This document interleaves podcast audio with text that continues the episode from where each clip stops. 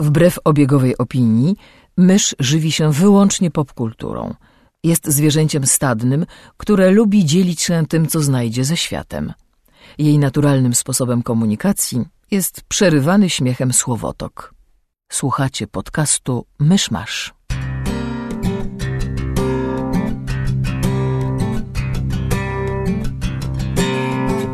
Gospodarzami podcastu Myszmasz są Krzysiek Ceran, redaktor portalu Avalon. Kamil Borek ze studia Kobart. i Mysz, autorka bloga Mysza Mówi. Drodzy słuchacze, jest poniedziałek 7 lipca 2014 roku, 67. rocznica incydentu w Roswell, gdzie, jak powszechnie wiadomo, rozbił się amerykański balon meteorologiczny, zestrzelony przez UFO. Zapraszam do 64. odcinka podcastu Myszmasz. I tutaj powinien się włączyć motyw z archiwum Mix. Nigdy nie wiem, co zrobić z tymi twoimi zapowiedziami. Nie potrafię przejść od nich do Ale odcinka. Roswell to jest przynajmniej coś, o czym część osób słyszała, bo Krzysiek czasami podaje takie fakty, że nikt nie wie, skąd on to wie. Dobrze. Z e, Wikipedii, to chyba wszyscy wiemy skąd ja to wiem. Cia. Mamy w tym tygodniu gościa w podcaście. tak. Nikt nie wie jak zacząć. Naszym gościem jest e, Katarzyna Czajka, zwana też jako zwierz popkulturalny. Z bloga zwierz popkulturalny, żeby było łatwiej. Tudzież e, pod adresem zpop.pl. Tak, wybrałam ten adres, żeby się go ładnie wymawiało. Dokładnie. Tak płynnie. Tak jest. A czy w, w Zypop jest mysznik, czy to jest razem? Nie, to jest razem. Wszystko razem. Wszystko razem. Żadnych samogłosek. A nie, o, jest samogłoską. O kurczę. Dobrze. Tak jest, więc wita witamy zwierza serdecznie, którego próbowaliśmy sprowadzić właściwie od początku istnienia podcastu z mniejszą lub większą skutecznością, raczej mniejszą. A teraz wyjątkowo się udało. Tak, wy jesteście strasznie daleko na końcu świata. Służew. Służę, tu gdzie No, żyją smoki. Też Psy dupami szczekają. E, Dobrze, to tak e, klasycznie w ramach e, powitania gościa w odcinku chcielibyśmy Cię, drogi zwierzu, zapytać, jakie są Twoje gikowskie korzenie? Bo to jest pytanie, które zadajemy każdemu gościowi. E, to znaczy, aha, to kiedy się wszystko zaczęło i, i dlaczego czego? tak? No więc zaczęło się od tego, że moi rodzice nie poinformowali mnie, że nie wszyscy widzieli Gwiezdne Wojny. Jak ja byłam mała, to ja byłam przekonana, że wszyscy widzieli Gwiezdne Wojny. I jak moja mama mówiła, że czegoś nam nie wolno, to mówiła, że Imperium zmienia warunki umowy. I to ogólnie rzecz biorąc, wszyscy wiedzieli, że wszyscy widzieli Gwiezdne Wojny. I ja się potem spotkałam z moimi rówieśnikami. Widziałam Gwiezdne Wojny, jak miałam 4 lata po raz pierwszy. I się nagle okazało, że nie. I słuchajcie, to był dla mnie, to był chyba dla mnie największy szok w moim życiu. Drugim wielkim szokiem było, kiedy się dowiedziałam, że nie mówi się batelnia, tylko patelnia. To są takie dwa formatywne momenty mojego życia. Chyba, że to musiało być traumatyczne. Tak, straszliwie. Natomiast e, prawda jest taka, że ogólnie rzeczywiście rodzice bardzo moi wspierali gikostwo, bo mój tata uważał, że e, godzina pójścia spać jest uzależniona od tego, czy w telewizji jest dobry film i były te filmy, które musieliśmy zobaczyć. Do tego wszystkiego jakoś tak się złożyło. Ja mam starszego brata, że ja oglądałam Małe Kucyki Pona, oglądał Transformersa, właściwie to oboje oglądaliśmy na przemian film o smuzie z Małych Kucyków oraz film o Transformersach. E, I to na nas mocno wpłynęło i nigdy nam jakby tych popkulturalnych pasji nie zabraniano, ale nie pozwalano nam oglądać seriali. Dlatego, że siedzenie o tej samej godzinie w tym samym miejscu przed telewizorem uważano za e, stratę czasu i takie przywiązanie się do, do telewizora. No w związku z tym, jak tylko napisałam maturę, to pierwszą rzecz, jaką zrobiłam, to spędziłam całe lato oglądając seriale. Oczywiście, że tak. E, No i wiecie, jak człowiek próbuje nadgonić w jedno lato całą swoją, całą swoją przeszłość, to można popaść w lekkie uzależnienie. E, I tak zaczęłam oglądać seriale. Natomiast taka jakaś gilkowskie rzeczy... A, to jeszcze jedno wspomnienie z dzieciństwa, to jak byłam po trzeciej klasie podstawówki dostałam świnki i e, mój brat na Bynajmniej nie takie świnki, jak masz teraz. nie, nie takie. Teraz mam morskie, wtedy miałam taką chorobę. E, e, I zostałam w domu. Mój brat pojechał na wakacje do Ciechocinka, gdzie wolno było jeść lody trzy razy dziennie, co było po prostu moim dziecinnym marzeniem. E, I z, e, moja mama któregoś dnia wyszła z domu i wróciła z całym rocznikiem Supermana. E, I powiedziała, że jak mi się nudzi, to mogę to poczytać. I, no i to, to był początek końca. Znaczy, po tym już właściwie nie było powrotu. I tak, więc jeśli pytasz o moje gikowskie korzenie, to to jest lata formatywne spędziłam zdecydowanie w takim dosyć gikowskim, gikowskiej Zagrodzie. zagrodzie, tak. Tak, czyli wszystko można zwalić na rodziców, klasycznie. Ja zawsze wsłałam wszystko na rodziców. Wykształcenie, zainteresowania, traumy. Interesujące, bo jak na razie chyba ze wszystkich, ze wszystkich osób, łącznie tutaj zebranych, jak i które mieliśmy w podcaście i które o tym opowiadały, to jednak mimo wszystko to było, gikostwo było pomimo rodziców, a Znaczy- czasami wbrew rodzicom. Znaczy, ja myślę, że to jest w ogóle ciekawe, bo e, u, u mnie, moja mama uwielbia science fiction. E, a z kolei mi tata czytał nam Tolkiena do poduszki, jak byliśmy dziećmi. W związku z tym, jakby to też pomijając już fakt tego wielkiego e, braku równowagi między tatą czytającym Tolkiena, mamą tylko czekającym, aż będziemy mogli przeczytać kroki w nieznane, i tłumaczącą nam, że science fiction to jest najlepszy gatunek, jaki wymyślono, ponieważ pozwala na analizę społeczną bez e, odwoływania się do istniejącej e, sytuacji społecznej. Nigdy Może nie warto pozwólcie- wspomnieć, kim, są, kim, czym Tak, się zajmują twoje tak, rodzice. nigdy nie pozwólcie socjologowi wychować dzieci. Zabierajcie mnie zaraz po urodzeniu. Ale myślę, że tak, że przede wszystkim u mnie w domu był, był spory szacunek do kultury popularnej. Mhm. To znaczy do tego, że rzeczywiście kultura popularna może być fajna i, i mój tata, który prawda, nigdy nie przepuścił okazji, żeby jeszcze raz zobaczyć Konana i namówić nas, żebyśmy przeczytali jedynego prawdziwego Konana, który jest jedynym słusznym Konanem. I, i, i nie wiem, czy wiecie, bo tam tego Konana klasycznego Warda było tak, że wyszły dwa tomy jeden po drugim, a ten trzeci tom opowiadań jakoś było strasznie trudno znaleźć. I pamiętam dzień, w którym mój brat z moim tatą znaleźli tą książkę gdzieś w jakimś antykwariacie po prostu jakie to było święto. Chyba nigdy nie widziałam mojego taty tak poruszonego książką do czasu, kiedy nie powiedziałam mu, że wyszła uczta na Lawron i że widziałam ją na mieście. To mój tata wstał, wyszedł i odezwał się do mnie dopiero jak skończył książkę. Autentycznie, to było po prostu... Siedział przy komputerze, coś pisał. Mówi, wiesz, to, to przechodziłam obok e, księgarni z amerykańskimi książkami i tam jest uczta Lawron. Siu, piu. I tyle go widziałam. Natomiast kiedyś mój tata przyniósł mojemu bratu e, e, tom kolejny Miecza Prawdy, nie pamiętam który, i mój brat na korytarzu rzucił się na kolana szorować mu buty. Ogólnie to było takie dobre środowisko, żeby, żeby, w nim, żeby w nim dorastać, prawda? Jakby byłaś skazana na taki, a nie inny los. Tak, tak. Ja myślę, ilekroć moi rodzice się choć trochę dziwią, że, że ja w ogóle o niczym innym nie myślę. To mówię, słuchajcie, sami tego chcieliście. E, ale to w takim razie jest, masz jakieś takie dziedziny, w sensie, które najbardziej, znaczy popkultury oczywiście, w które naj, najchętniej, najchętniej się zapędzasz. Znaczy, ja myślę, że to jest tak, że moją pierwszą i największą miłością to jest kino. Że ja bardzo dużo stałam się, ja się interesuję się całą popkulturą, w ogóle fenomenem, jakim jest popkultura, ale prawda jest taka, że kino to jest chyba taka jedyna dziedzina, w której interesuje mnie absolutnie wszystko. Znaczy od, od tego, e, jak, jak komponuje się kadr, przez to, jak snuje się opowieść, po to, jak się film sprzedaje, skąd się bierze na niego pieniądze e, i co robią poszczególni ludzie wymienieni w tych trwających 4 godziny napisach końcowych. E, no i przez historię filmu, prawda, którą tam się trochę półprofesjonalnie zajmuje. Natomiast e, zawsze strasznie, jakby strasznie żałuję, że nie mogę, że nie mogę mieć większej łączności ze światem komiksu. To znaczy mogłabym kosztem wielkiej, wielkiej ilości czasu i pieniędzy, ale po prostu zawsze jak jadę gdzieś, gdzie komiksy są wydawane regularniej niż u nas, to po prostu coś we mnie umiera.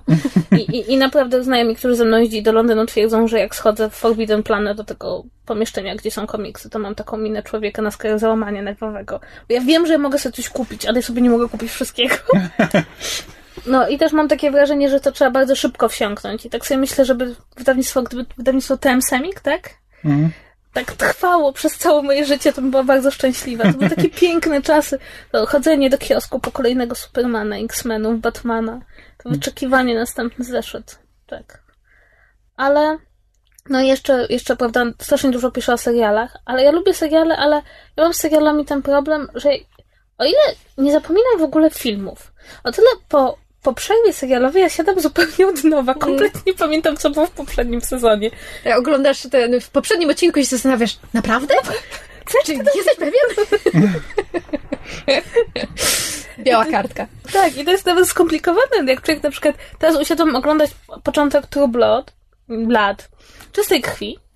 E, usiadłam oglądać początek czystej krwi siódmego sezonu i tak oglądam i tak, co się stało w sezonie? ja go oglądam, ale co się stało? Tak, Wiesz co, w tym konkretnym wypadku to może być bardziej kwestia siódmego sezonu True Blood niż twoich tych ograniczeń kognitywnych, bo ten, ten, to zły serial jest teraz. nie, to jest zły serial tak już od co najmniej trzech sezonów. Nie, ale teraz jest wyjątkowy, no, mniejsza z tym. Wiesz, rozmawialiśmy na ten temat. Początek, początek drugiego odcinka siódmego sezonu był taki na zasadzie, okej, już kończymy, dobra, macie. No, ale dzięki Bogu to już jest ostatni sezon, już niedługo będziemy się mogli z tego śmiać, ewentualnie płakać, Znaczy, tak jak ja Met paru lat Mother. śmieję. Znaczy, ja Ale przez łzy. Ja straciłam, ja straciłam absolutnie jakąkolwiek e, łączność emocjonalną z serialem na wampirowróżkach. Tu mnie stracili. Na czym? Na, na wampirowróżkach. A, tak. No dobra. Trudno się dziwić trochę.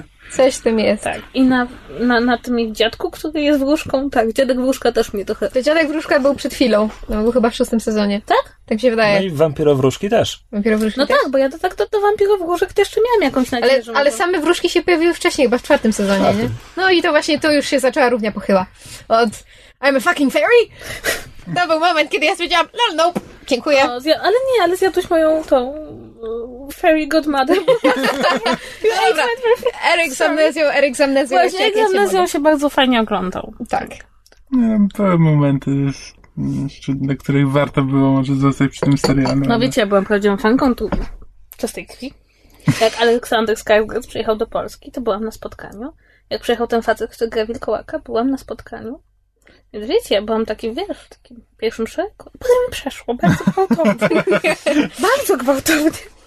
Joe Manganello? Man... Joe Taki Manganiello. duży, przystojny facet. Czekaj, ja teoretycznie mam z nim DVD w torbie, to mogłabym sprawdzić, jak się nazywa. Ja mam podpisane przez niego DVD.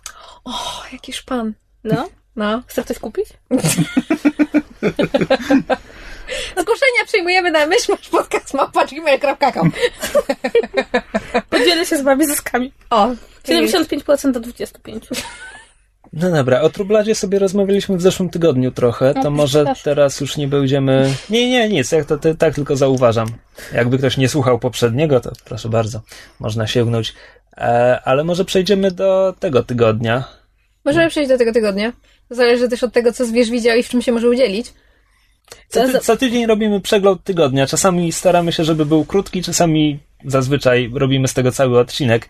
Także A czasami w przeglądzie tygodnia pojawiają się rzeczy sprzed 20 lat. Okej, dobra, ale to co, wiecie, co się stało w ostatnim tygodniu? czy to jest podchwytliwe pytanie? tak, to jest podchwytliwe E, pytanie, ja się, ja ja się przeprowadzałem w zeszłym tygodniu i nie wiem praktycznie nic. I Nie nie, no, wiesz- widziałem praktycznie niczego. Nie no, widziałeś rzecz, której teoretycznie nie powinien widzieć nikt tak, inny. drugi tydzień z Drugi rzędu. tydzień z rzędu, no właśnie. Bo jak się dzisiaj dowiedziałam od, od e, Krzyśka, najwyraźniej tak jak w zeszłym tygodniu Krzysiek omawiał nielegalnie wycieknięty gdzieś tam bokiem e, premierowy odcinek Flasha, to tak tym razem e, wyciekł e,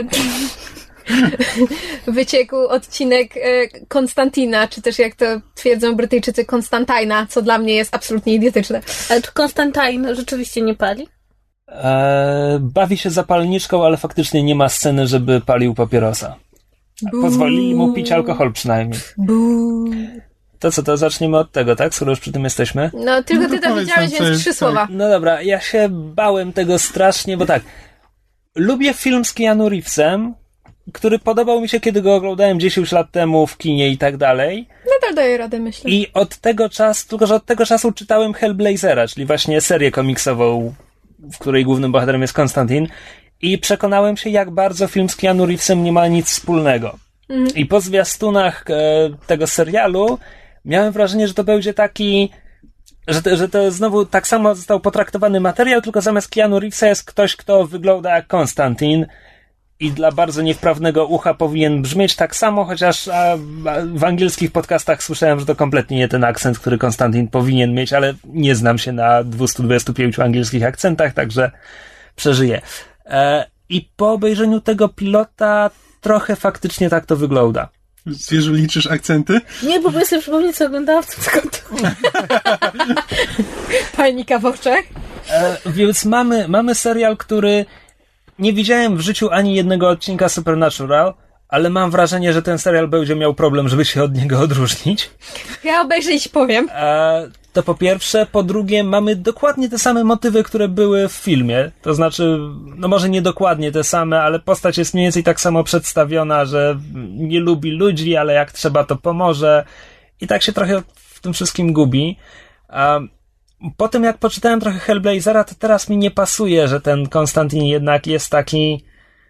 No jednak jest taki skory do pomocy. Znaczy, on będzie mówił, że nie chce, ale, ale jednak pomoże i jego problemy, źródło jego problemów w serialu to jest e, schrzaniony egzorcyzm, coś co mu nie wyszło parę miesięcy temu, za co ktoś zapłacił i on się tym strasznie przejmuje. I tak sobie myślę, że komiksowemu Konstantinowi to chyba by już chyba by już wisiało, ale może postać jest na innym etapie swojej podróży w tym momencie. Trudno mi to powiedzieć.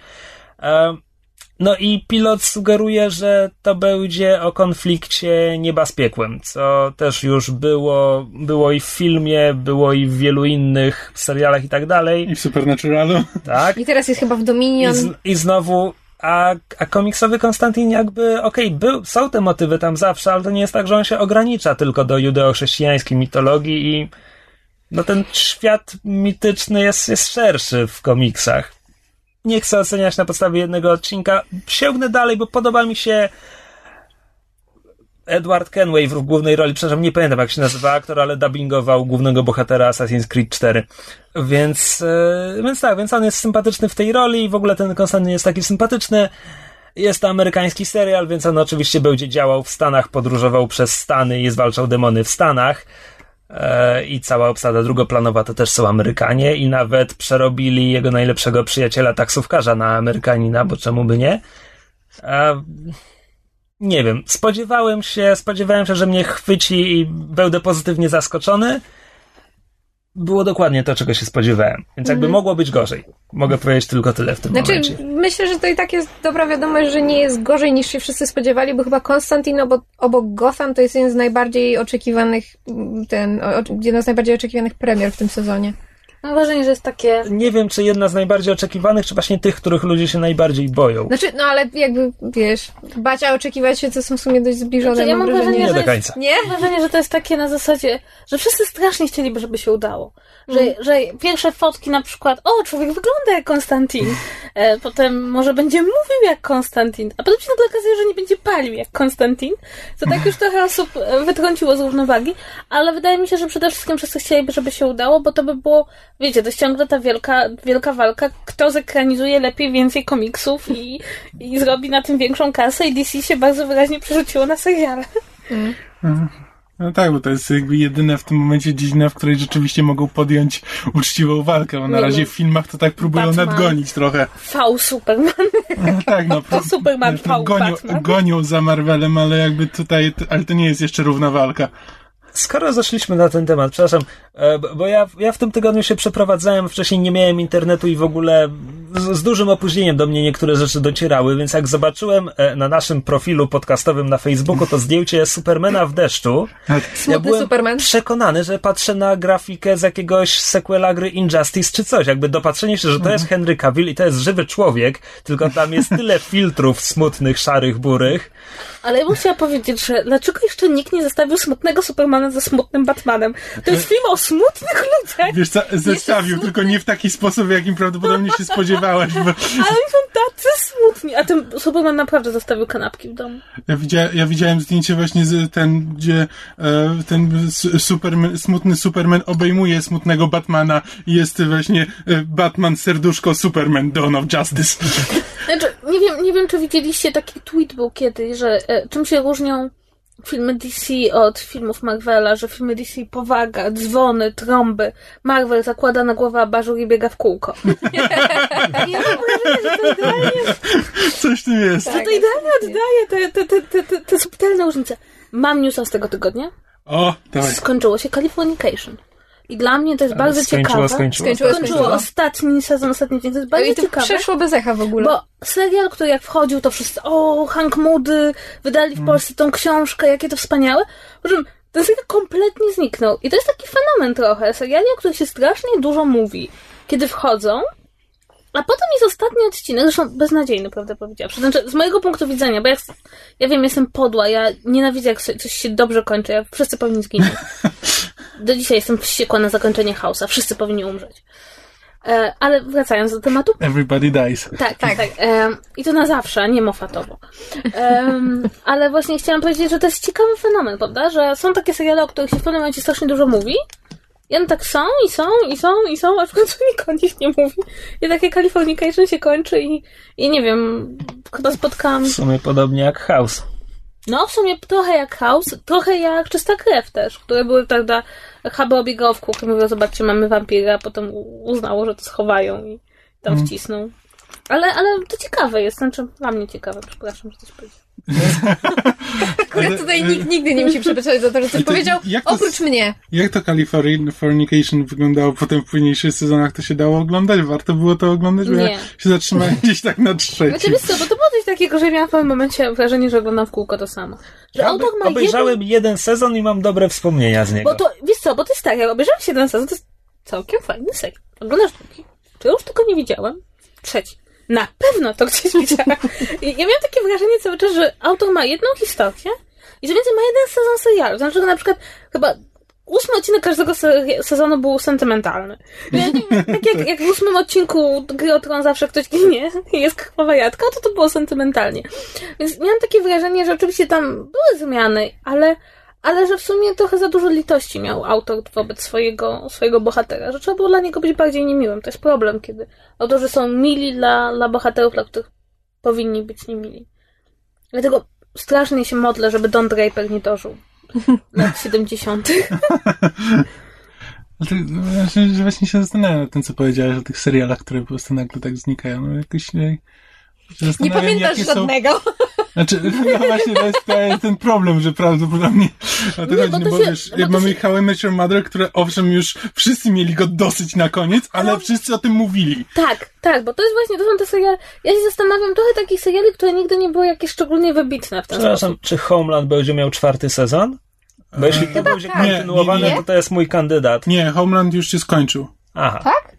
Tak, to Ja nie wiem, bo nie oglądam. Cisza i konsternacja zapadła. tam być Wszyscy może będą jakieś spin-offy albo nie wiem, coś w tym samym stylu, ale Homeland jakby historia już się skończyła. Ona się miała skończyć po pierwszym sezonie, tylko to ją przedłużyli, ale No już po No trzecim tak. stwierdzili, że nie, już dłużej nawet oni nie są w stanie tego kontynuować. O, i mam kolejnego newsa, przepraszam. Bo, Ale bo e, Kanal Plus zacznie nadawać Reaper Street. E, w związku z tym przeczytałam recenzję Reaper Street w polskiej prasie. Czy wiecie, że jest to serial o poszukiwaniach Kuby Rozpływacza? Znaczy on nie ma nawet takiego tytułu po polsku. No, po polsku ma, Znaczy podtytuł. po polsku ma, ale Jaki jest polski podtytuł? tajemnica Kuby Rozpływacza. Reaper Street Tajemnica Kuby Rozpływacza. Ojej. Bo wszystko w Polsce ma podtytuł Tajemnica czegoś tam. To pani Zosia. To jest moja wielka teoria, że jest pani Zosia w gabinecie każdego dystrybutora i on mówi, pani Zosiu, pani Zosiu, mamy tu taki tytuł, Brokeback Mountain, to jest po angielsku, co pani by tu dorzuciła? Tajemnica. Dziękuję, pani Zosiu, jest pani zastąpiona. Pani Zosiu, pani Zosiu, a tu Colin Firth. To co ja mam dorzucić do tytułu? Król. I pani Zosia rządzi polskimi tytułami. Tak jest. Dziękujemy, na film Tajemnica Zosiu. Króla. Tak, na pewno będzie. Musi być. Na pewno kiedyś. E, W każdym razie, e, jeśli chcecie obejrzeć Reaper Street, to to nie jest serial o poszukiwaniach Kuby Rozpływacza i to bardzo dobrze serialowi wychodzi. Ale o czym jest, bo ja prawdę mówiąc nie Serial widziałem dzieje się w. Whitechapel, sześć miesięcy po tym, jak Kuba Rozpływacz e, grasował i jest o policjantach. Czyli to jest 1889, 90, jakoś tak, nie? Trochę później. Później? Później, w latach 90. e, A już. już w latach Już. 90. I słuchajcie, jest to naprawdę strasznie fajny serial, bo oni, e, główny, jakby taki główny tercet e, to jest e, e, dobry i szlachetny tam policjant, który, prawda, kobiety, dzieci i wszystkich broni, ma zatroskaną twarz Matthew, Matthew Medfadena? Tak jak, ja nie pamiętam jak się go czyta. Mac, McFadden chyba Tak. się nazywa. Tak. E, I tam jest też sierżant, który jest taki wiecie, mocny i silny, i Amerykanin, który jest lekarzem i, ma swój własny miejsce w tym, tym e, mm, posterunku policji, gdzie przeprowadza autopsję. W związku z tym mamy też taki element, wiecie, autopsja w XIX wieku, jak to wyglądało. Do tego wszystkiego no, autentycznie są wszystkie problemy społeczne XIX-wiecznego Londynu, od, od budowy metra przez sierocińce, e, po e, e, na przykład pierwsze produkcje filmów pornograficznych, co może pójść źle. W związku z tym naprawdę, naprawdę muszę wam powiedzieć, że to jest przeuroczy serial. Dwa sezony nakręciło BBC, po czym skasowało serial. dwa brytyjskie sezony, czyli ile odcinków? E, nie, nie, nie, to jest dobre, czyli to tam jakieś kilka, kilkanaście, chyba do dwunastu nawet, a może osiem, nie wiem, nie pamiętam, ale to nie są trzy. Okej, dobra. E, a potem BBC to skasowało i tutaj, co może pozytywnie świadczyć o jakości serialu, e, coś takiego jak brytyjski Netflix zdecydował się wyprodukować trzeci sezon. Ku wielkiej radości różnych osób, w tym mnie. W związku z tym, w związku z tym naprawdę polecam, bo, bo to było coś, co się podobało. No i można to zobaczyć teraz w Polsce na kanale Plus. I nie jest to o Kubie Rozpływaczu. To jest jeden z mnóstwa seriali, które są na moim radarze i jeszcze się za nie nie zabrałem. Jest kilkadziesiąt takich tytułów. E, ale czy tam przypadkiem nie gra Bron w gry o Tron? Gra. I gra świetnie, i gra naprawdę strasznie fajną postać. I co więcej, jak się zestawi jego postać w Reaper Street z Bronem, no to się nabiera, Jeremy Flynn się nazywa ten aktor, i nabiera się olbrzymiego szacunku do aktora, bo on jakby bardzo podobnymi, e, bardzo podobnym wyrazem twarzy w jednym, w jednym serialu gra Brona, a w drugim gra takiego bardzo ciekawego człowieka, który jest jednocześnie straumatyzowany, wrażliwy i najlepiej daje popysku w całej dzielnicy. Hmm. Są, tacy właśnie te, yy, zacząłem oglądać film Iceman właśnie z Michaelem Shannonem, który jakby wcześniej grał Zoda w Supermanie i jak go wcześniej jeszcze widziałem w filmie Premium Rush, gdzie Joseph Gordon-Levitt jeździ na rowerze przez cały film. I prawie go zabili. Czy, czy Zod też tam jeździ na rowerze? E, nie, Zod się głównie przemieszcza z, samochodem. No powiedzmy sobie szczerze, ale... Zod nie miał roli, w związku z tym on tylko o, jestem zły. Tak, no właśnie nie miał, on był głównym bohaterem tego filmu. To znaczy, no tak, okej, okay, dobra, miał więcej charakteru niż Superman. Dobra, mogę się skończyć. miał więcej pozytywnych cech niż Superman, moim zdaniem, ale... Ja bardzo nie lubię tego filmu, cokolwiek Ja też bardzo nie lubię tego filmu. Ale, ale po prostu mi się tak skojarzyło, bo to jest dokładnie ten sam akt, ten, znaczy ten sam typ aktora, którego bardzo łatwo by było zaszufladkować, bo on ma bardzo charakterystyczny wygląd i gra też jakby podobne postacie, bo zazwyczaj gra trochę, trochę tak nie, negatywne postacie, bo właśnie w Weissmanie gra e, zabójcę na zlecenie, e, w, no, w Supermanie no to wiadomo, e, a w Prime Rushu gra tam irlandzkiego skorumpowanego policjanta. Tylko, że właśnie widziałem go w trzech rolach, i w każdym mimo że to są bardzo, pod, bardzo podobne typy postaci, jakby gra, gra jest zupełnie inaczej i naprawdę byłem pod dużym wrażeniem tego, że można, że można mimo wszystko mieć charakterystyczny wygląd, być zaszufladkowanym do pewnej roli, a mimo wszystko wyciągnąć z niej, wyciągnąć z niej tak dużo. No, ale co wiesz, woda w Wielkiej Brytanii, to jest, mm. to jest powód tego. Ale ja się chcę obracić na amerykańskiego Netflixa, bo oni się ten, oni się wypieli na community i gdyby nie to, że dosłownie w ostatniej chwili to, hmm. co tam się nazywa, nie pamiętam, Yahoo, Yahoo, Yahoo Movies, czy jakoś inaczej, Yahoo się, się wzięło i... Od kiedy i... Yahoo robi telewizję? No właśnie, od, wszyscy byli teraz zdziwieni. Wszyscy, teraz każde VOD chce mieć, wiesz, premium content. Ale z drugiej strony muszę wam powiedzieć, że ja jako osoba, która się tak przegląda z boku i tak e, nieco mniejszym sentymentem do community przygląda się całej sprawie, to to jest fascynujące, bo ten serial jest zagrożony zdjęciem z kolejnych tak, kanałów dystrybucji. Od, od pierwszego sezonu. Od pierwszego sezonu. No. I, i, I to sześć sezonów i film, to, to hasło, które się powtarza i mam wrażenie, że tylko siłą woli pani pchają to do przodu. Ale oczywiście, on będzie miał ten szósty, tam chyba nie wiem ile, 13 odcinków Yahoo się zarzekło, że im da. I będą mieli 13 odcinków na Yahoo i o co zakład, że potem Dan Harmon zrobi Kickstartera i zrobią ten szósty film chociażby za tysiąc dolarów. Tak, tak, kamerą. Ale nie, to znaczy, ja, ja, ja, chcę powiedzieć, że ja bardzo lubię community i ono jest nie... Jak ilekroć szukam nawiązania do innych seriali, to pierwsza rzecz, jaką robię, to sprawdzam, czy coś było w community. coś było w community. E, ale ja mam, ja mam problem z niektórymi elementami humoru. Tam, to znaczy, on mnie tak albo mnie strasznie bawi, albo wcale. Albo wcale. I. I, to nie... A z drugiej strony to chyba jedyny kikowski serial, jaki nam został. Potem co się stało z The Big Bang Theory. No tak, no właśnie o to chodzi, że to jest... Czy to będzie teraz minuta jest... ciszy za Big Bang Theory? No tak, jakby community przynajmniej wie, z szacunkiem podchodzi do... No przynajmniej wiesz, czego się śmieje. Tak, no. dokładnie. A właściwie z kim się śmieje, bo community śmieje się z geekami, a nie z Tak, dokładnie. To jest ta, ta, ta. Tak, hmm. to jest rzeczywiście fascynujące, że ten serial trwa dalej, szczególnie, że on wszystko, on nie ma widowni, y, nikt nie chce z danym harmonem pracować, bo ciężko jest z nim jak diabli pracować. Jeszcze w dodatku, póki tam Chevy Chase był, to z Chevy Chase'em też się nie da pracować. Więc tam po prostu nie było, nikt nie miał żadnej motywacji, żeby ten serial kontynuować, a mimo wszystko to... E, go pociągnęli dalej. Wy się chyba kiedyś opowiadali w podcaście, jaką drogę przeszła Futurama.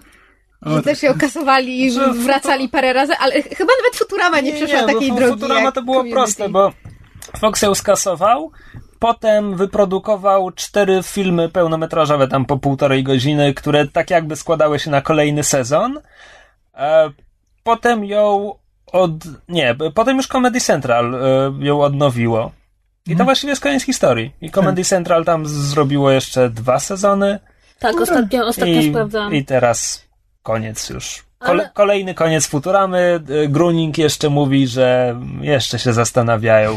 Jezu. Czy może nie wrócić? Ale słuchajcie, no Futurama to jest po prostu niesamowity fenomen kultury popularnej. Serial, który ma niską oglądalność, który dzięki memom jest jednym z najbardziej rozpoznawalnych wizualnie seriali. Ponieważ memy z Futuramy, Futurama jest kopalnią memów, co No najmniej tak, trzy są ale, wielkie. ale Futurama zaczynała się jakby przed kulturą memów. No właśnie, no chodzi mi o to, że jakby, że masz serial, który zaczął się wcześniej i do tego wszystkiego nie jest jakiś super popularny. No powiedzmy sobie szczerze, że jest bardzo dużo osób, które chodzą po świecie nie wiedzą, co to jest Futurama.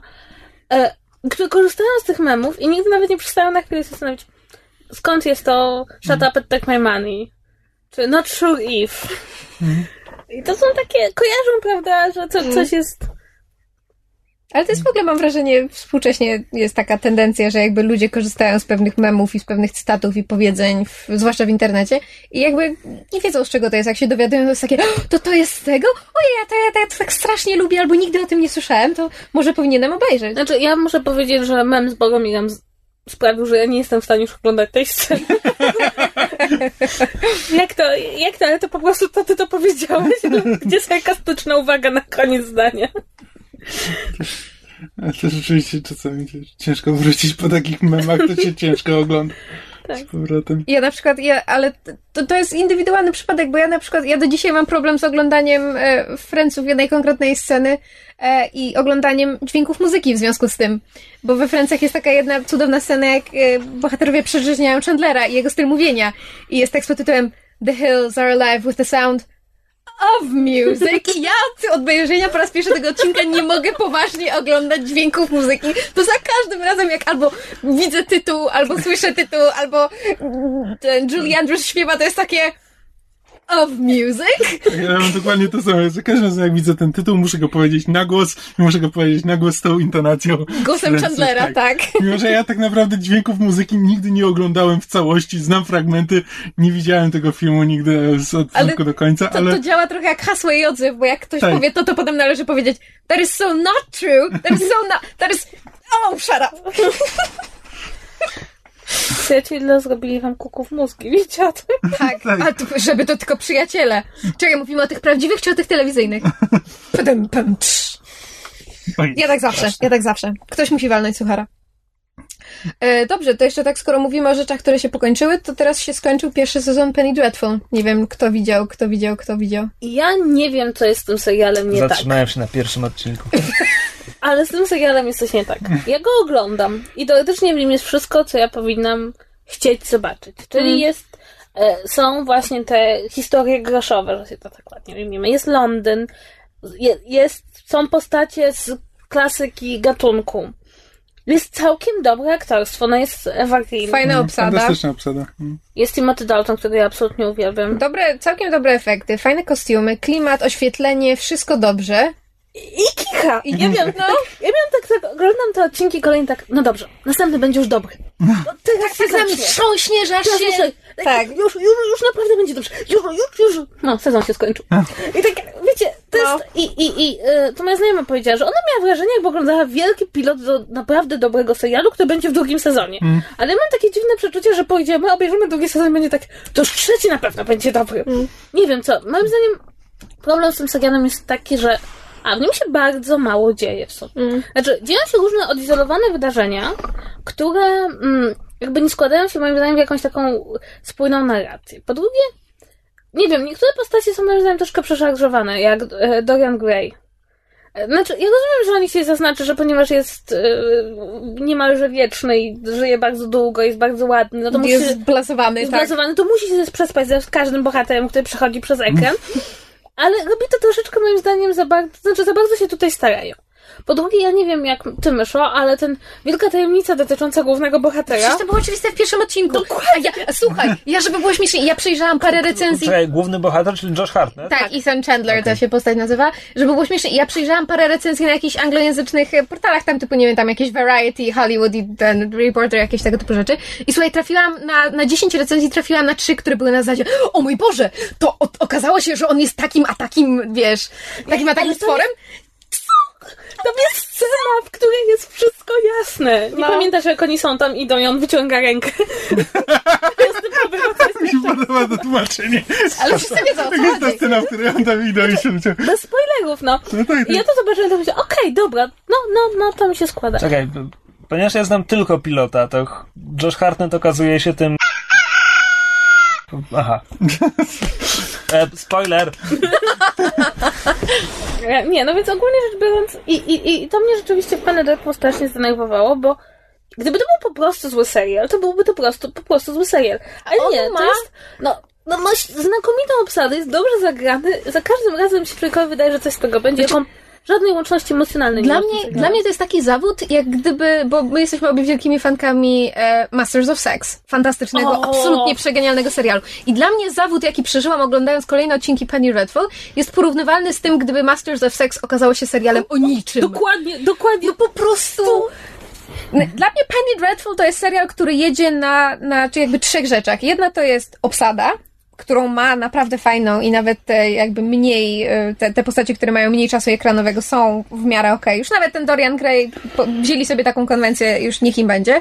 Druga rzecz to jest e, klimat, bo właśnie klimat tego Londynu i te wszystkie gotyckie aspekty są bardzo fajne i bardzo dobre e, jakby efekty specjalne, to znaczy oni jadą tam przede wszystkim na, na, na prostetyce, na make-upie i, i, i całkiem nieźle z tego korzystają. Muszę e, e, jedną rzecz powiedzieć, że co jest minusem, to są świetnie napisane w sumie te postacie.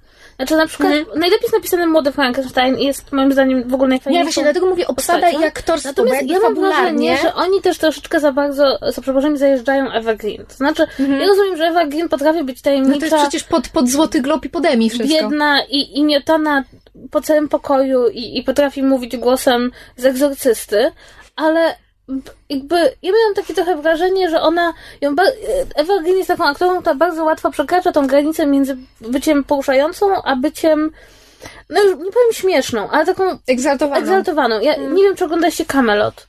Tak. Ona w Camelocie grała i tam jej nie wyszło. Tam jej tak strasznie nie wyszło. Ja lubię Camelot. Ja wiem, ja, ja jestem chyba jedyną osobą na świecie, która lubi Camelot. Autentycznie. Nie wiem, czy oglądaliście Dark Shadows. Tak. A, e, Dark Żeby było śmiesznie, ja dopiero ostatnio... Kasowałam ten film. Dopiero osta- ale słuchajcie, Mi też chwilę zajęło. Dopiero ostatnio, czytając o Dark Shadows, sobie przypomniałam, że przecież, e, tak jak myśmy obie e, po obejrzeniu e, 302 e, twierdziły, że tam jest najgorsza scena erotyczna w historii kinematografii. Żeby było śmieszniej, Eva Green już miała jedną najgorszą scenę seksu w historii kinematografii i była ona w Dark Shadows właśnie. Słuchajcie, nie chcę śmiać może to przy całej urodzie i, i naprawdę olbrzymim talencie Ewy Green. Może powinna zrezygnować z takich scen. Ale tak, ciężko.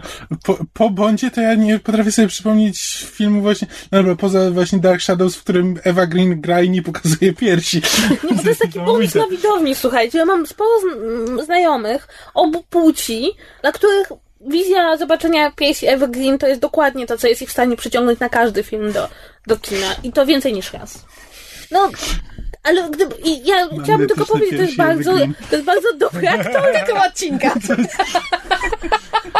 Ale chciałabym, wiecie, no. Bo może Ewa Green brała przykład z polskiej kinematografii. W polskiej kinematografii w każdym filmie jest kobiecy biust. I nie wiem, Polski Instytut Sztuki Filmowej chyba nie daje pieniędzy na kobiecego biustu. Po prostu. Mm, wycieczka szkolna na ogniem i mieczem. Tam Izabela Skorupko się kołpie w rzece w pewnym momencie. Nie, bo w polskim filmie musi być biust. To jest tradycja, która się zaczyna w latach 70. Ale bo, bo polskie kino czerpało z kina francuskiego. Nie, ja ci powiem o co chodzi, bo wiadomo było, że, że, że uczniowie e, tam kupią tu bilet, żeby zobaczyć jeszcze raz kobiecy biust. W związku z tym reżyserzy zaczęli wkładać nagie kobiety, nie wiem, w ekranizację lektur szkolnych, filmy wojenne, dramatyczne filmy o egzystencji. E, A potem to się jakoś tak przyjęło w polskiej kinematografii, że musi być ten biust i teraz ja mam wrażenie, że autentycznie nie można w Polsce, jakby jest jakiś taki przymus fizyczny, żeby tak, o mój Boże, nakręciliśmy film, a tam nie ma żadnej rozebranej kobiety, co mamy zrobić? W Dajmy killerze jakoś w chyba nie tle. było. Co? W killerze chyba nie było. A tam Katarzyna figura czegoś nie pokazywała? Słuchaj, możemy, możemy kiedyś obejrzeć Killera pod tym, pod tym kątem. Chętnie, bardzo Ale, lubię. a nie, czy, czy, czy Sieleni siedział? Nie. nie. Mam wrażenie, że, że ogólnie rzecz biorąc, polska kinematografia kobiecym biustem stoi.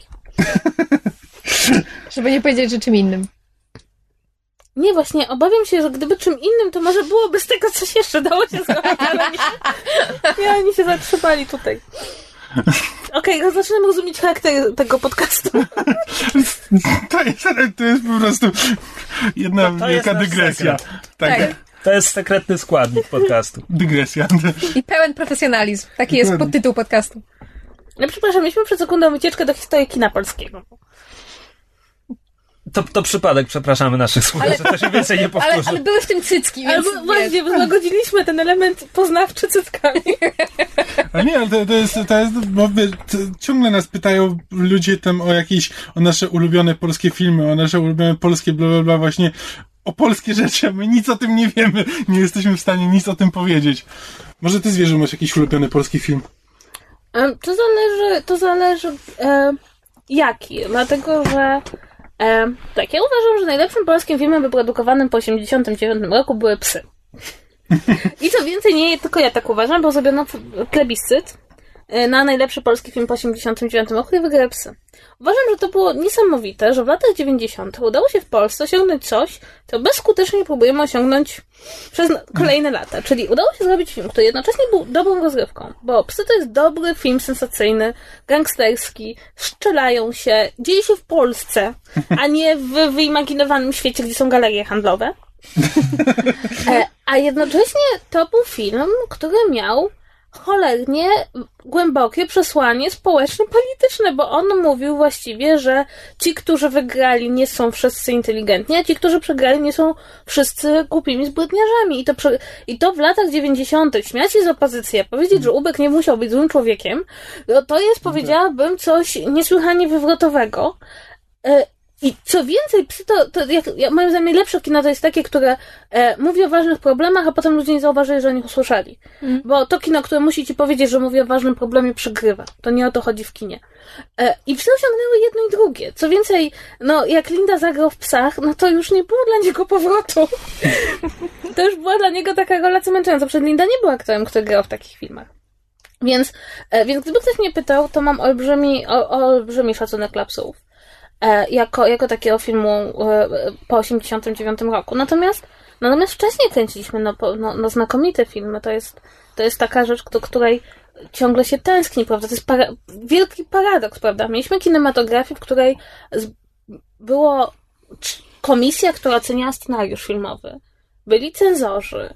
E, były wyznaczone tematy. Była specjalna uchwała, która mówiła, na jakie tematy można kręcić film, a na jakie nie. I kręciliśmy zajebiste filmy. Ja ostatnio na YouTubie znalazłam zremasterowaną wersję e, Nie lubię poniedziałku i miałam 300 innych rzeczy do zrobienia, usiadłam i obejrzałam od początku Nie do lubię końca. poniedziałku jest znakomitym filmem. Fantastyczny. Słuchajcie, to jest po prostu niesamowite. Zrobić film o jednym dniu, komedię, o dniu z życia miasta. I nic się właściwie w tej komedii wielkiego nie dzieje, a człowiek się nie jest w stanie od niej oderwać. Mm. A jaki to jest piękny materiał do, do badań historycznych. Miałam całe zajęcie o Nie lubię poniedziałków. Mieliśmy naprawdę, słuchajcie, mieliśmy różne rzeczy. Oglądaliśmy elementy codzienności PRL-u. Ale nie, naprawdę, słuchajcie, no ale zwróćcie uwagę, jeśli nawet chodzi o duże superprodukcje, jak nakręciliśmy Potop, to Potop dostał nominację do Oscara i jak się ogląda Potop, to to nie dziwi, to jest znakomity, wielki film i jak tam aktorzy mają przejechać konno e, prze, przez e, kadr, to jedą aktorzy, za nimi jedzie ten pułk wojska, który Armia Polska e, wypożyczyła i to wygląda po prostu jakby na, byśmy odtwarzali naprawdę e, Potop szwedzki. Natomiast nie wiem, pamiętacie jak szwedzkie wojska idą tam przez jakieś łany zboża. Jest taka scena w potopie. Natomiast potem ogląda się Ogniem i Mieczem. Zrobione za prywatne pieniądze, mm. bez cenzury, można powiedzieć wszystko i to jest po prostu kicha, no. I, i, i to jest po prostu przerażające, że, że gdzieś po drodze dostając dosłowność i dostając możliwość wykorzystywania... Swobody. Mhm. I dosłowność, bo jakby na przykład cały czar polskich komedii, na czym polegał? Na tym, że mm. te komedie były czym innym niż były. Mm. I nagle zaczęliśmy kręcić albo bardzo niedobre filmy aktorsko, albo technicznie. Po prostu dźwięk w polskim filmie to jest po prostu e, historia smutna, dramatyczna i, i podszyta horrorem.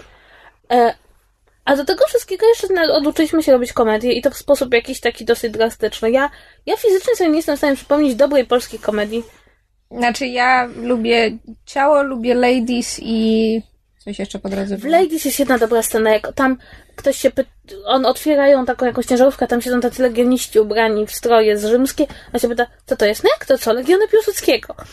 To jest scena, przy której płaczę ze śmiechu. Autentycznie za każdym razem płaczę przy niej ze śmiechu. ale to jest, znaczy, ladies są znośne, natomiast Znaczy wiesz co, ja na przykład, Z, ko- ja z mam... komedii to już zdążyłem to powiedzieć, że lubię Killera, ale dla mnie Vinci to jest chyba ostatni dobry film gatunkowy, jaki tak, to jest, powstał. to jest, to jest dobra, dobra diagnoza. Ale ja na przykład się zastanawiam, bo jakby bardzo mało oglądam kina polskiego, ale był taki moment, kiedy właśnie z- zdarzało mi się nawet chodzić do kina na polskie filmy i pamiętam pierwszy raz, kiedy poszłam na, e, bo poszłam więcej niż raz, było na Nigdy w życiu.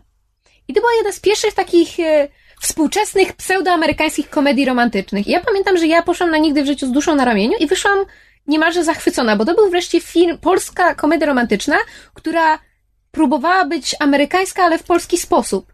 I była bardzo sprawna. A potem się pojawiła jakaś taka fala tych wszystkich yy, Bo bo moi- nie kłam kochani i różnych innych pseudo-wyrobów i to było Bo straszne. moim zdaniem to właśnie nigdy w życiu zrobiło krzywdę polskiej kinematografii, bo nigdy w życiu, nie, ale ja już tłumaczę, nigdy w życiu miało Żmijewskiego i Stęka, czyli aktorów, którzy umieją grać.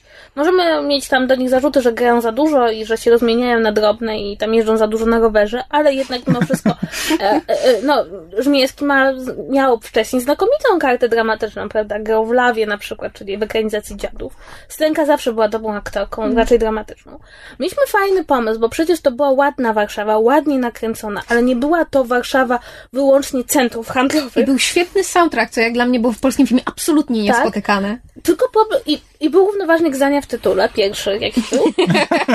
I była jakaś historia. Ona była banalna, no ale historie ogólnie rzecz biorąc są banalne. I potem niestety wszyscy nie próbowali nakręcić własnego filmu, w którym będzie dobry aktorsko, fajny soundtrack. Etc., etc.. ten, Tylko próbowali nakręcić jeszcze raz nigdy w życiu. I to zaowocowało jakimś, jakimś takim absolutnym koszmarnym nawałem tylko mnie kochajów. ja wam jeszcze jedyny pokażów film, i, i który... I, znaczy, ja wam pokażę, to był chyba sequel do Tak. tego Nigdy w życiu i jeszcze jak ja cię mogę, mimo zmiany obsady. Oj nie, straszny. To tylko ja Może jestem zapomniałaś. głupia i mam sentyment. Nie, ja ten film oglądam wbrew pozorom całkiem często. Nie, ale jedyny film, który się potem jeszcze z tego wybił, to był Ile waży koń trojański. Ale mam wrażenie, że to było dlatego... Co? Nie, przepraszam, No przepraszam. co? Ile waży koń trojański był... Znaczy, ja myślę, że ja na to spojrzę, ja, ja mam, moje spojrzenie na ile waży koń trojański wynika z tego, że po pierwsze główna bohaterka jest totalną idiotką. Po drugie, e, sposób w jaki Machulski pokazuje e, per, bo to Machulski nakręcił. Tak, Tak. tak, tak. Pokazuje PRL, mnie po prostu doprowadza do absolutnego szału. Po trzecie, jakby, nie, ten film jest taki niedobry. nie, przepraszam, ja może, ja to może... Żałuję, że nie widziałem. Daj, daj. To jest taki film, na którym mi się chciało płakać w połowie. Nie no, Właśnie przepraszam, bohaterka... Ja lubię, lubię Machulskiego, ale po Vincim podjąłem świadomą decyzję, żeby jego kolejnych filmów nie oglądać. Vinci strasznie lubię, ale e, Nie, Vinci koń trojański, ambasada, kołysanka, to wszystko sobie odpuściłem świadomie. Ja, ja, ja, ja miałam różne... Ja słuchajcie, ja naprawdę kiedyś obejrzę ambasadę, bo doszły do mnie po prostu z dwóch stron takie różne opinie. Jedni, że w ogóle można pocięcie żyły na seansie. E, drugi, że to nie, jest całkiem, to nie jest takie złe i że to, co się, czego ludzie się najbardziej naśmiewają, czyli ten wybuch ambasady, no to to jest najgorsza część filmu, bo nie zabrakło kasy na efekty specjalne. I ja cały czas się zastanawiam, czy ja mam tyle w sobie energii życiowej, żeby poświęcić jej część na oglądanie, na oglądanie tego. Znaczy, wiecie, ja, ja na przykład uważam, że to nie jest tak, że nam się nie zdarzają dobre filmy. Na przykład ja uważam, że Wałęsa był znakomitym filmem. Dlatego, że zrobi, Wajda, Wajdzie udało się zrobić coś niesamowitego, zrobił e, film o polityku, bardzo konkretnym, związany z bardzo konkretną opcją polityczną, e, który ma bardzo konkretną opinię, który udało mu się zrobić film, który nie jest polityczny. Jest historyczny, jest biograficzny, ale nie jest polityczny. I to był, wyszłam mile zaskoczona, bo byłam przekonana, że to będzie jakaś deklaracja polityczna. Mi się Wałęsa w sumie podobał, ale nie, nie użyłbym słowa na Z. Czyli nie, znakomity, tak? To No, nie- nie, nazwałbym Znaczy, go tak. moim zdaniem, ale ja mam wielki sentyment do. Odkryłam to oglądając któryś film z kolei. ale, ale nie, ale powiem, wiecie na czym polega problem, że jak się mówi o dobrych filmach polskich, to się kręcimy wokół kilku tytułów. Mm. Maksymalnie kilkunastu. A to nie jest tak, że myśmy dopiero co zaczęli te filmy kręcić. Znaczy, przed 89 to można dziesiątkami sypać dobrymi filmami. A po 89 to te filmy, jakby, te, te tytuły wracają kilka, kilkanaście tytułów. Bo kiedyś po prostu ludzie, jak już się dorwali do filmu, jak już udało im się coś nakręcić, to po prostu robili to, co chcieli. Teraz każdy próbuje się jakoś przypodobać i właśnie nakręcić film, który już wcześniej był, który wcześniej się nie spodobał. To ja zrobię teraz taki film i sobie na nim zarobię. I ludzie chyba po prostu chcą się przypodobać i to nie wychodzi dobrze. Ek- eksperyment psychologiczny. Jak dojdzie do nas amerykańska moda na remake'i, to co będzie pierwsze? Niby już mieliśmy e, Ja ten wiem. syf z pazurą, jak Ja film, Będzie. e, karierę nikomu demandyzmy. A, tak. Był Ja Ale remake. nie był jeszcze o Był Karol Och Karol, tak. Tak. Ale ja wiem, ja wiem. Six Misja. Już nadszedł ten czas, ja to czuję w powietrzu, a żebyśmy znowu zakranizowali trendowatą. ja wam mówię, były tylko trzy. A, a społeczeństwo polskie ma w sobie coś takiego, że raz na jakiś czas w powietrzu unosi się potrzeba... Trąd. Dawno nie było trendowate. Nie, ale to, co powiedziałeś z tym przypodobaniem się, to jest bardzo, bardzo słuszne, bo e, ja mam taką wielką teorię. Moja wielka, niepoprawna politycznie teoria mówi, że zdecydowanie łatwiej jest pozostać wiernym artystycznie sobie twórcy, kiedy ma ominąć cenzurę, Mm. niż kiedy ma e, zadowolić e, producenta filmowego, który mówi Dokładnie. kasa, misiu, kasa. Mhm. I, i, i, I to paradoksalnie cenzura strasznie ogranicza możliwości twórców, ale konieczność jakby- zarobienia na filmie. Tak, bo ominięcie cenzury wymaga od ciebie bardzo dużo kreatywności, a przejście przez producenta właśnie wymaga konformizmu. No tak, więc, więc ogólnie rzecz biorąc, no zobaczymy. Co, przywracamy cenzurę do polskiego kina. Ja będę tak, tak. Myślę, że to jest dobry pomysł. Będę odrzucała wszystkie filmy, które mają równoważniki w zdania w tytule. Ewentualnie... Jedno słowo albo zdanie, zdecydujcie się. Czy ewentualnie? Ja stwierdziłam, że ewentualnie będziesz zakazywała zmieniania tytułów y, z, z, ten, z tajemnicą w, w tytule, żeby nie miało słowa tajemnica. O, albo wszystkie polskie filmy będą musiały mieć tajemnicę w tytule. Jak tajemnica wystąpi. Kara. Taka kara Jak już będzie. zaczniemy kręcić polskie ekranizacje polskich gier komputerowych, to jest zawsze tajemnica statuetki. O, tajemnica Wiedźmina. Myślę, co chciałem powiedzieć. Nie, ale to wtedy, to wtedy już się powinno wtedy nazywać jakoś ta, tajemnica dwóch mieczy, czy coś takiego. Ładne, dobre, tajemnica medalionu. O, też. Ale myślę, że musi jeszcze Tajemnica wie, dziecka niespodzianki. wiele wody w Wiśle upłynąć, zanim polska kinematografia z, zdecyduje się na kolejnego Wiedźmina. Wymrzeć ci, którzy widzieli pierwszy. Tak. Trzeba... Naro narodowa trauma. Jak ten... Co jak... się stało z tym facetem, który zrobił Wiedźmina? Szczerbiec on miał na nazwisko? Tak, ja nie wiem, zakopał się pod ziemią, uciekł do Francji, poprosił azyl. Mieszka teraz z Hitlerem w Argentynie. Nie, ale wiecie co, ja pamiętam jak dzisiaj, ja, ja, ja pamiętam, jak stoję w holu kina Femina z moim tatą i z moim bratem, bo poszliśmy w trójkę. Widzę tych wszystkich ludzi zebranych, czekających na Wiedźmina i myślę sobie, o mój Boże, zaraz zobaczę Wiedźmina. Jak ja się cieszę. I potem siedzę i za którymś razem tych widok tych chmur i mi przychodzi do głowy myśl, która przyszła mi w kinie chyba tylko trzy czy cztery razy. Tam są drzwi. To wyobraź sobie, jak ja miałam. Ja zorganizowałam, zebrałam całą grupę kumpli z gimnazjum i powiedziałam, słuchajcie, wychodzi Wiedźmin, idziemy razem, będzie zajebiście. Siedzimy takim rządkiem ja i tam dwunastu facetów i potem tylko pod koniec seansu widzę, jak wszyscy się nachylają i patrzą się na mnie oskarżycielskim wzrokiem.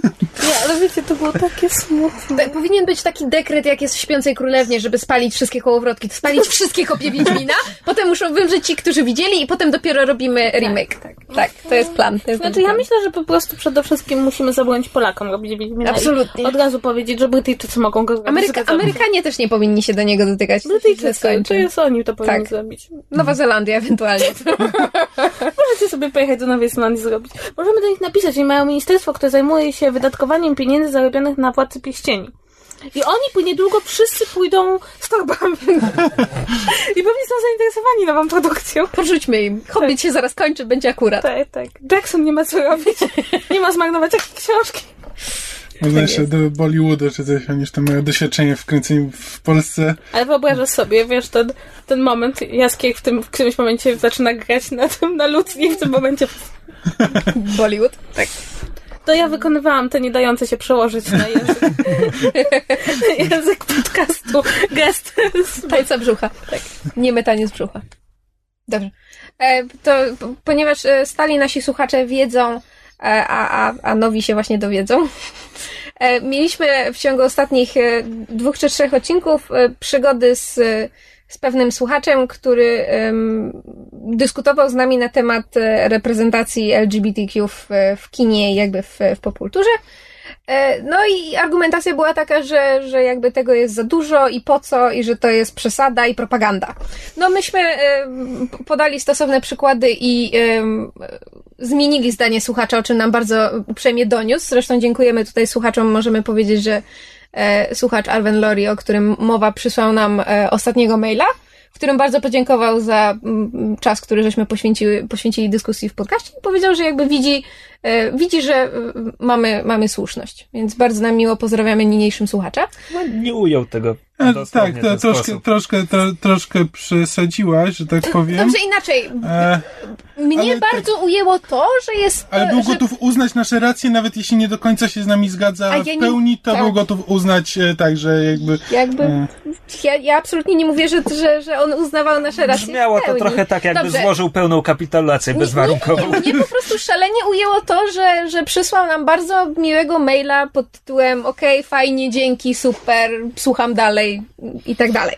Tak, i to nam się jakby w ogóle taki zrobił jakby temat, że tak powiem, bo um, też, też na blogu potem nam się, na, stronie naszej się pojawiło właśnie też przy okazji e, na temat e, postaci e, przy ekranizacjach komiksowych, kiedy że, że białą postać gra czarnoskóry aktor. E, I właśnie, że, te, że też, że to jest jakby wbrew tradycji komiksowej i że... E, I że ktoś tutaj próbuje uprawiać jakiś tak, rodzaj tak, propagandy. tak, tak, że to jest tylko jakby w, jako poprawność polityczna i że po co to robić e, i czemu. Jezus Maria. I zaprosiliśmy Cię tutaj po to, żebyś jako e, historyk slash socjolog slash bloger filmowy slash zwierz e, wypowiedział się w temacie. Slash. E, dobrze, więc e, przede wszystkim zacznijmy od tego, że jak się weźmie pod uwagę wybór aktora do danej roli i uważamy, że danego aktora wybrano jedynie ze względu na kolor skóry, to chyba sobie nie zdajemy jednak sprawy, jak przebiega proces obsadzania ról i jak w ogóle przebiega proces reżyserowania. E, jednym z takich rzeczy, którą e, które ja pamiętam, jak to jest taka rzecz, którą ja najlepiej pamiętam, to jest jak Idris Elba zagrał e, nordyckiego to, boga. Nordyckiego boga w torze. E, no i e, mnóstwo osób powiedziało, że no oczywiście, że to, prawda, musi, musieli wprowadzić Murzyna, bo to jest e, konieczność, poprawność polityczna. Reprezentacja, bla, bla, bla, bla.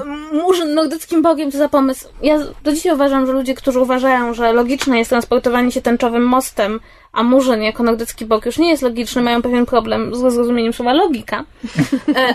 ale ci wszyscy, moim zdaniem, bardzo wiele krytyków nie wziął pod uwagę, kto nakręcił to. Tora nakręcił Kenneth Brana, który pochodzi z brytyjskiej szkoły obsadzania. A brytyjska szkoła obsadzania ról jest na zasadzie, nie jest ważne w jakie jesteś koloru, ważne jest, czy się nadajesz do roli. Łącznie bardzo często z rolami, które kompletnie nigdy nie były grane przez osoby e, czarnoskóre. Ja się nie dziwię, że on wybrał Idrisa Elbę. Jak się posłucha komentarza e, którego ja słuchałam wielokrotnie, bo mam fioła na punkcie mm, reżysera, to on powiedział, on potrzebował kogoś, że jak stanie, to żeby wszyscy wiedzieli, że, że mu się nie podskakuje i miał odpowiednio głęboki głos, że jak coś powie, to po pogłębieniu tego głosu przez komputer do wszystkich dotarło.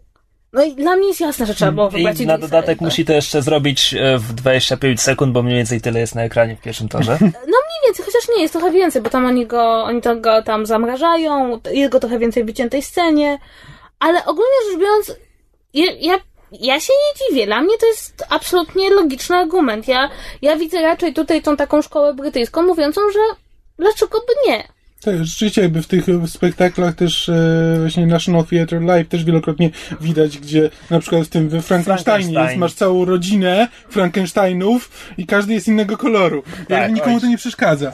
Nie, bo tam jest rzeczywiście, tam jest zasada i to, to, to też widać w serialach i to też e, widać właśnie w teatrze, tam jest zasada colorblind. No to przecież to moje, mój ulubiony przykład, to jak e, żeśmy widziały przecież ten E, Kennetha w e, Macbecie. To przecież e, czarnoskóry szkocki lord. To jest moja ulubiona rzecz, jaką ale widziałam on, w teatrze. Ale on jest naprawdę cudowny. Czy, czy, czy, czy ten Hamlet, gdzie prawda rodzeństwo, rodzeństwo jest, ona jest taka jaśniejsza, on jest ciemniejsza i choć jest biały.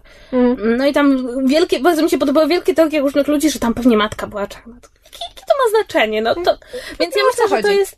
Natomiast wydaje mi się, że tutaj e, wszelkie zmiany koloru skóry, no jasne, no e, bardzo często ekranizujemy komiksy, które powstały w czasach, kiedy nikomu nie przyszło do głowy napisać czarnoskórej postaci. To, to jest to, co mnie bawi, dlatego że bardzo często ludzie mówią na zasadzie, że I'm not racist, but. I okej, ja, ja nikomu nie, w- nie wmawiam rasizmu, nie wmuszam, tylko że oni mówią na zasadzie, no bo ja rozumiem, że, że na przykład ten czarnoskóry aktor mógł się lepiej nadawać, bo na przykład grał najlepiej ze wszystkich, no ale ja bym jednak chciał, żeby oni pozostawiali w miarę zgodni z komiksami, a w komiksie ta postać mimo wszystko jest biała. Tylko, że te osoby bardzo często właśnie nie biorą pod uwagę tego, że wtedy, kiedy te komiksy były pisane, nie było zwyczaju wprowadzania w ogóle No, czarnoskórych nie było postaci. zwyczaju, nawet Znaczy- to było nie za bardzo do pomyślenia. To znaczy, tak, no jakby po prostu wszystkie postacie, wszystkie twoje ulubione postacie są białe, bo wszystkie postacie wtedy były białe. To nie jest jakby kwestia tego, że teraz Że- jest nadreprezentacja, tylko kiedyś była mówimy, jeśli niedoreprezentacja. mówimy o DC, gdzie te historie powstawały na przełomie lat 30 40 to okej.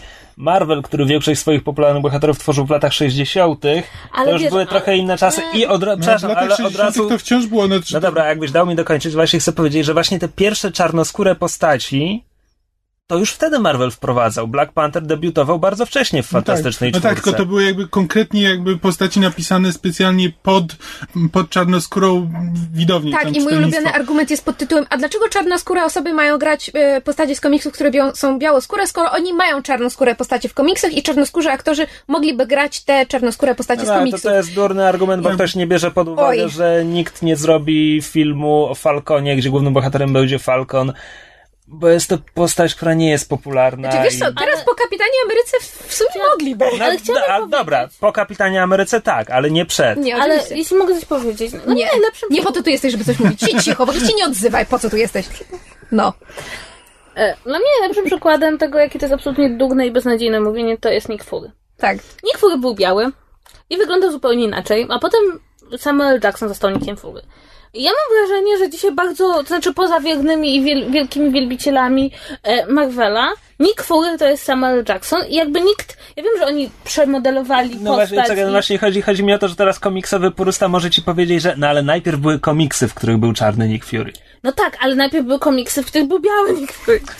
No, tylko, Chodzi o to, że liczy się charakter postaci, a nie kolor postaci. Dla, Tylko, niektórych, komiksy- dla niektórych ludzi liczy się to, co jest na stronie Tak, komiksowej. nie, ale wiesz, te komiksy, które właśnie powstały w latach 60., typu The Black Panther, to praktycznie rzecz biorąc, to one są na pograniczu Black Znaczy, Exploitation. po, postać, nie, nie, bo on swojego komiksu nie dostał no całe dobrze, lata. No to nawet potem. postać, no ale to jest jakby właśnie, to, to jest właśnie, to, to jest na pograniczu Black Exploitation, to jest jakby postać prowadzona tylko po to, że właśnie pod Nie, tą nie, wyimaginowaną nie, demografię, Nie, przepraszam, przesadzasz, ponieważ postać e, na bazie Black Exploitation to jest Luke Cage, no tak, to który powstał w Marvelu, jeśli dobrze kojarzę, już sporo po tym, kiedy kino Black Exploitation przestało być popularne. Tak samo jak Dazzler powstała chyba 3 lata po tym, jak disco umarło w Ameryce. A, disco nie umiera nigdy. Teraz robią kinową ekranizację ten...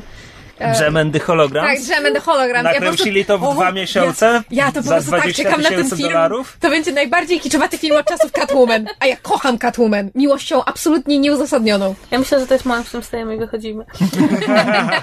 nie, ale w każdym razie, dla, nie wiem, ja jestem, ja pod tym względem mam jedną zasadę, że dla mnie się liczy to, żeby aktor pasował do roli. E, a, a to już jakiego koloru będzie skóra? No jeśli, jeśli ci ludzie latają, biegają, rozciągają się, e, są, mają szpony z adamantium, no to na Boga, no ja już i tak trochę zawiesiłam niewiary, no to naprawdę jestem w stanie przyjąć, że, że tu zaszła różnica. Zresztą moim zdaniem, jakby ludzie sobie nie do końca zdają sprawę, że im więcej eksperymentujemy z treścią z komiksu, im częściej poddajemy ją interpretacji, im wcześniej mamy różne pomysły na nią, tym bardziej przenosimy komiks do, e, na poziom kultury wyższej. Bo co się robi z kulturą wysoką? Co się robi z Szekspirem? Co się robi ze wszystkimi e, elementami tego naszego kanonu kulturowego? My ich nie odpowiadamy dokładnie tak samo. My je opowiadamy na tysiącu różnych sposobów, opowiadamy je w wersji takiej, jak mamy na kartce, opowiadamy Hamleta korzystając z kula lwa. I to czyni kulturę, to nobilituje kulturę i mnogość interpretacji. W związku z tym, im więcej, im więcej filmów będzie różniło się od komiksów, będzie je poddawało jakimś e, redefiniowaniu, i im więcej będzie różnych fantastycznych czwórek, gdzie te, gdzie te obsady będą się od siebie różniły nawet kolorem skóry, Moim zdaniem doskonale, dlatego że to nobilituje wytwór kultury. To, że dostarcza wielu interpretacji, no nie wiem, relacji między bohaterami będzie można odczytać na nowo. Więc przynajmniej dla mnie to jest jedna z tych rzeczy, którą można podsunąć ludziom, którzy uważają, że to jest tylko poprawność polityczna, tfu, tfu, błe, splunąć trzy razy przez lewy ramię. No dobra, ale je- jeśli mogę się wcielić w adwokata diabła przez chwilę i spojrzeć na problem od drugiej strony. Jeśli mówimy, że czarny aktor w roli, która w oryginale była biała, nam nie przeszkadza i liczy się to, jak w tej roli wypadnie, to czy możemy na tym samym oddechu czepiać się, jeśli ktoś adaptuje e, Awatara albo Akirę i zatrudnia białych jak śnieg aktorów do ról, które w oryginale były azjatyckie? Znaczy, moim zdaniem to wszystko polega na no, na tym odwiecznym problemie reprezentacji. To znaczy, e, problem polega na tym, że mm, kultura popularna ma zwyczaj absolutnego rokowania wszystkich ludzi e, e, innego koloru skóry, czy o innej etniczności, bo to nawet nie zawsze chodzi o kolor skóry. E, W ogóle jakieś z- mniejszości. z- no, mniejszości z kultury popularnej. I ja uważam, że e, jakby ważne, że to akurat nie, to nie jest tak, że mamy do tego prawo, bo dlatego, że jednak bardzo dużo kultury naszej polega na tym, że udajemy, że nie zauważamy, że w opisie w książce osoba ma ciemniejszy kolor skóry, oliwkową cerę, ciemne oczy i nagle, nagle w tym miejscu pojawia się blondynka. Czy właśnie tak jak w przypadku Awatara, gdzie była szansa na naprawdę strasznie fajną obsadę i nagle się okazało, że wszyscy są biali. Poza tam jedn, poza jednym Death Hindusem, Patel. który grał tego złego. Dokładnie. E, więc nie, więc wydaje mi się, że Ja to tutaj właśnie jakby... chyba była jakaś e, Tandy Newton, ta ciemniejsza aktorka. Może, ale wydaje mi się, że tutaj chyba każdy ma jakąś taką wrażliwość. Nie, to, to nie jest tak w kulturze i to nie jest tak nawet w życiu, że to wszystko jest równoznaczne. My powinniśmy być świadomi, mamy przywilej. No, sko- Ale ja pamiętam, że była wielka afera a propos, przepraszam, że ci przerwę, a propos The Hunger Games. Dlatego, że tam, tam była postać, która w książce jest wyraźnie e, opisana jako czarnoskóra. I kiedy powstawała e, ekranizacja, ludzie się zbulwersowali, że jakaś postać jest czarnoskóra na zasadzie, no bo kiedy ja czytałam książkę, to przecież ona jest biała. a ludzie to pominęli, Tak, wyobrazili ją ludzie po prostu czytali książkę i wyobrażali sobie tam 97 To Ru, postaci tak. jak Ru, tak, postać Ru, jako białe, mimo że w książce zostało napisane, że ona tam miała tam takie, Ale- takie a nie takie włosy, taki odcień skóry, tylko ludzie to po prostu totalnie omijali. Znaczy ja- Ci, których to jakby nie dotyczyło, albo po prostu czytają bo to jest nieuważnie. natu- znaczy, ja powiem szczerze, to jest też trochę naturalne, że jak dajemy no. się na własną wyobraźnię, to zdajemy się na to, co jest nam bliskie, tylko potem czepiać się, że ktoś zekranizował książkę tak, jak jest napisane. E, ja na przykład mam wielką pretensję do Ridleya Scotta, że Mojżesza będzie grał no. Christian Bale. Christian Bale. E, ja, ja rozumiem, że. Ja rozumiem właśnie, no to jest trochę twoje bycie adwokatem diabła, że on może będzie doskonałym Mojżeszem. Ale No trochę. Chrystusem nie był takim dobrym, Ale- więc ale- nie liczyłabym ale na to. to- Christian Bale? Oczywiście grał Chrystusa w filmie e, Jezus, Syn Marii, czy coś takiego. Natomiast s- trochę mi żal, dlatego że ja bym bardzo chętnie zobaczyła jakiś film, który by przypomniał trochę, że, że ten Mojżesz to nie wyglądał jak Charles, Charlton Heston, ani nie wyglądał jak, jak, jak Christian Bale, tylko prawdopodobnie wyglądał bliżej tego terrorysty, który, którego się tak strasznie Albo boi Ameryka. Chociaż, żeby wyglądał jak ten animowany z Księcia Egiptu. I... Oj, ten animowany był taki To jest jedyny słuszny Mojżesz. E, tak, ale animowany książę z Księcia Egiptu był śniady.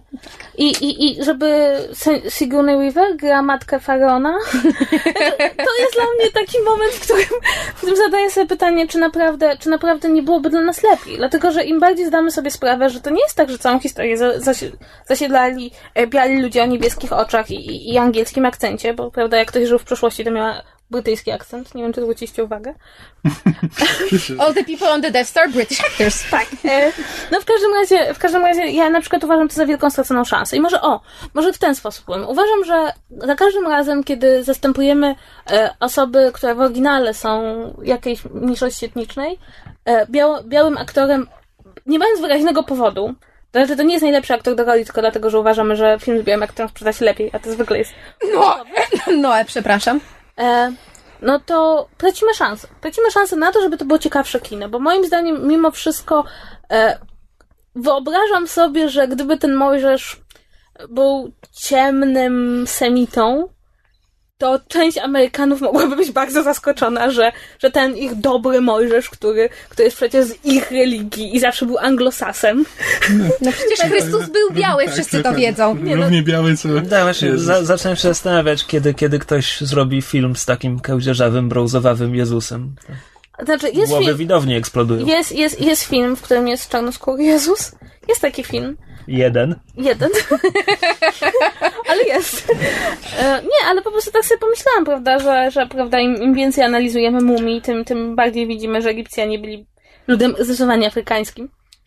I mieli interesy takie bardziej afrykańskie niż europejskie. A, ale kino nas w tym nie utwierdza, prawda? Ale ja przepraszam, że tak zboczę totalnie w stronę popkultury i po raz kolejny popiszę się tym, jak bardzo infantylny mam stosunek do kina.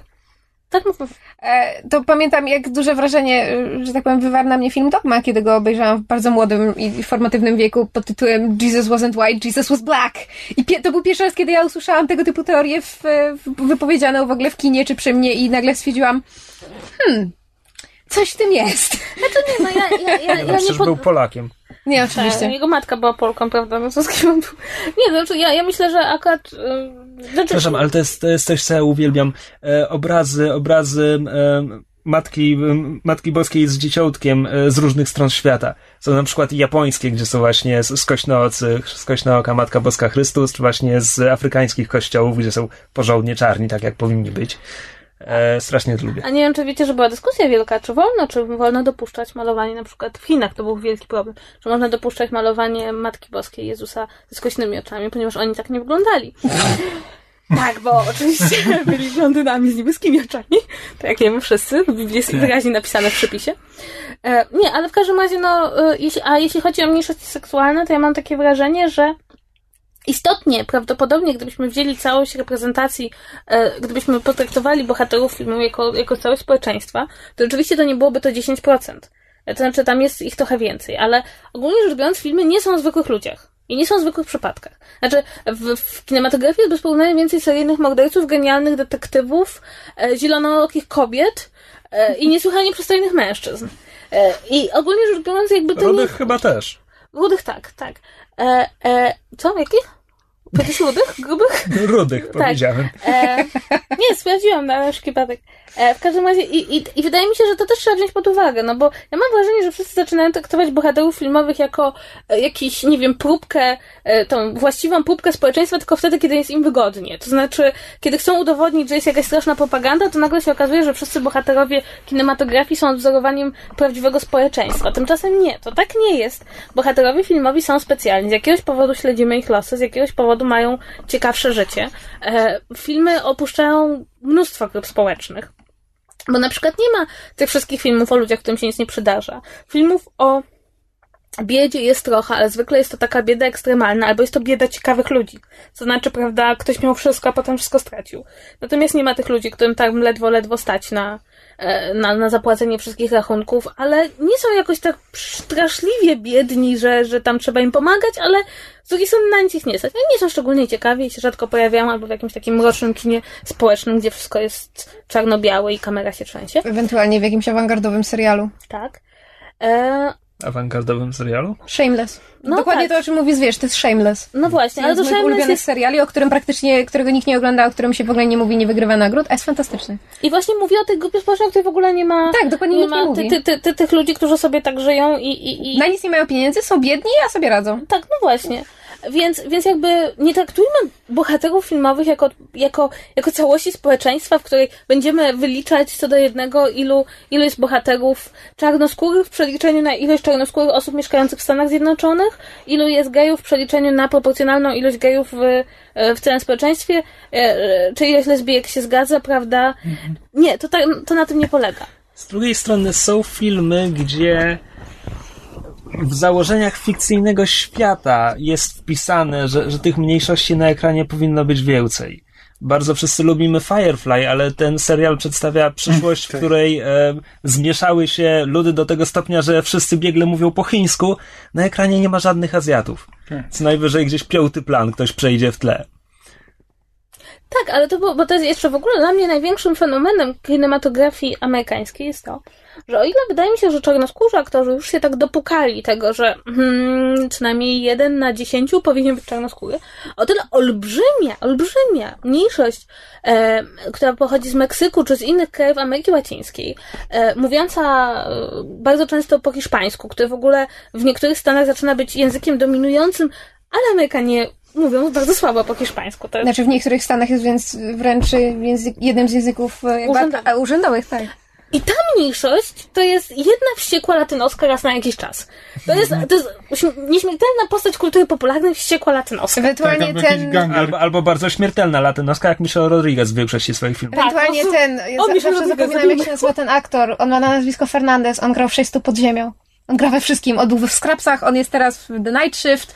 Ale właśnie i to jest, i to jest dla mnie, dla mnie muszę powiedzieć, że dla mnie to jest po prostu fenomen, że tak duża grupa z, w sumie, no, jednak, nie powiedzmy sobie szczerze, to nie jest jakaś przepaść kulturowa, że oni się nie mogą dogadać i w ogóle, prawda, imigranci z dalekich krajów, po prostu co tam się dzieje.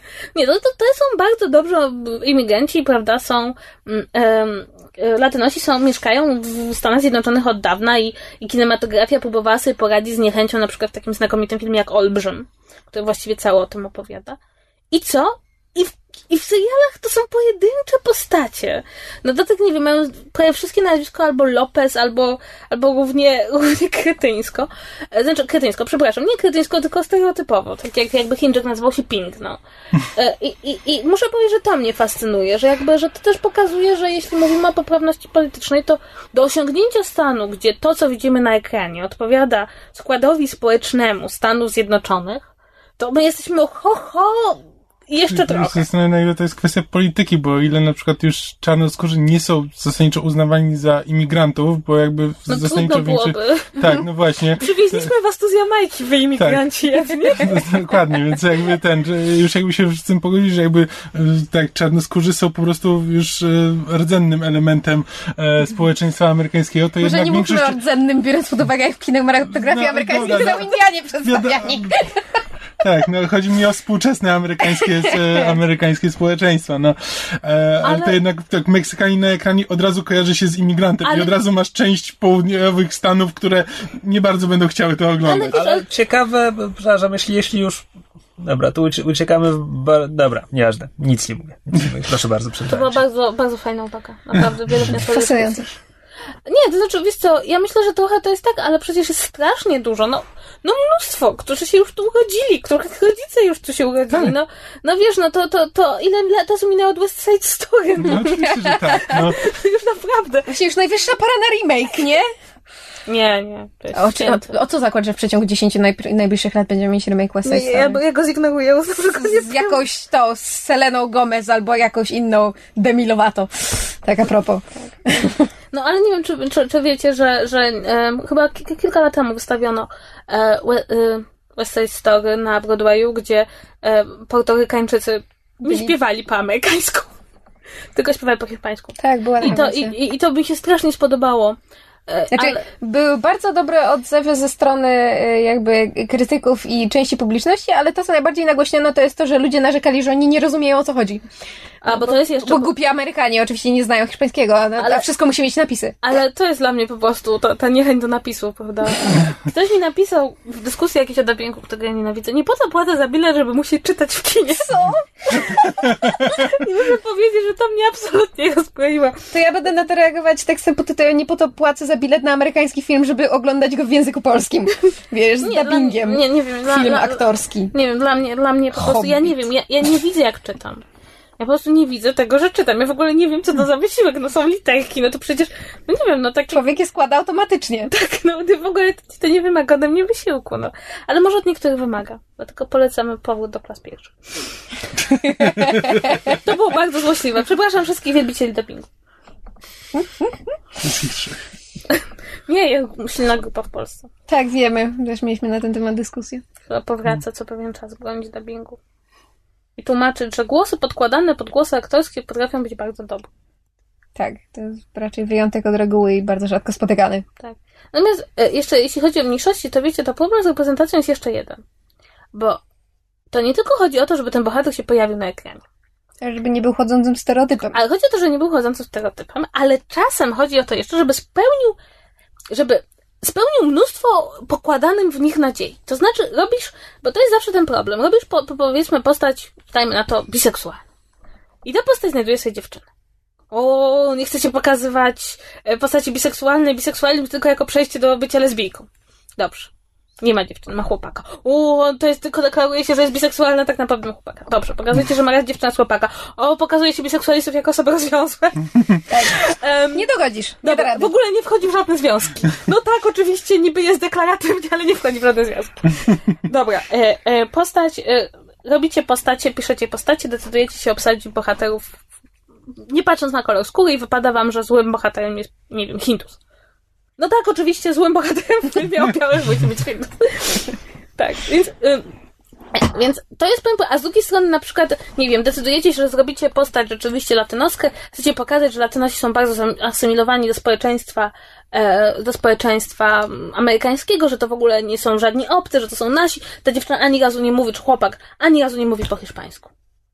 Dlaczego stworzyliście postać, która jest tylko pozornie latynoską? Tak, że jest Amerykanką, że w ogóle nie zna języka przodków, nie ma żadnego szacunku, w ogóle co to ma być? Nie, ja się obrażam. Więc, i, I to jest problem, dlatego że ja, to jest mój, mój wielki zarzut, i to najlepiej mi zajmuje w Glee, który jest ogólnie serialem, prawda, jeden problem społeczny na odcinek, że oni zrobili błąd, ponieważ na przykład oni mają trochę postaci, które są na zasadzie to jest postać, która jest homoseksualna, a to jest jej, są cechy charakteru.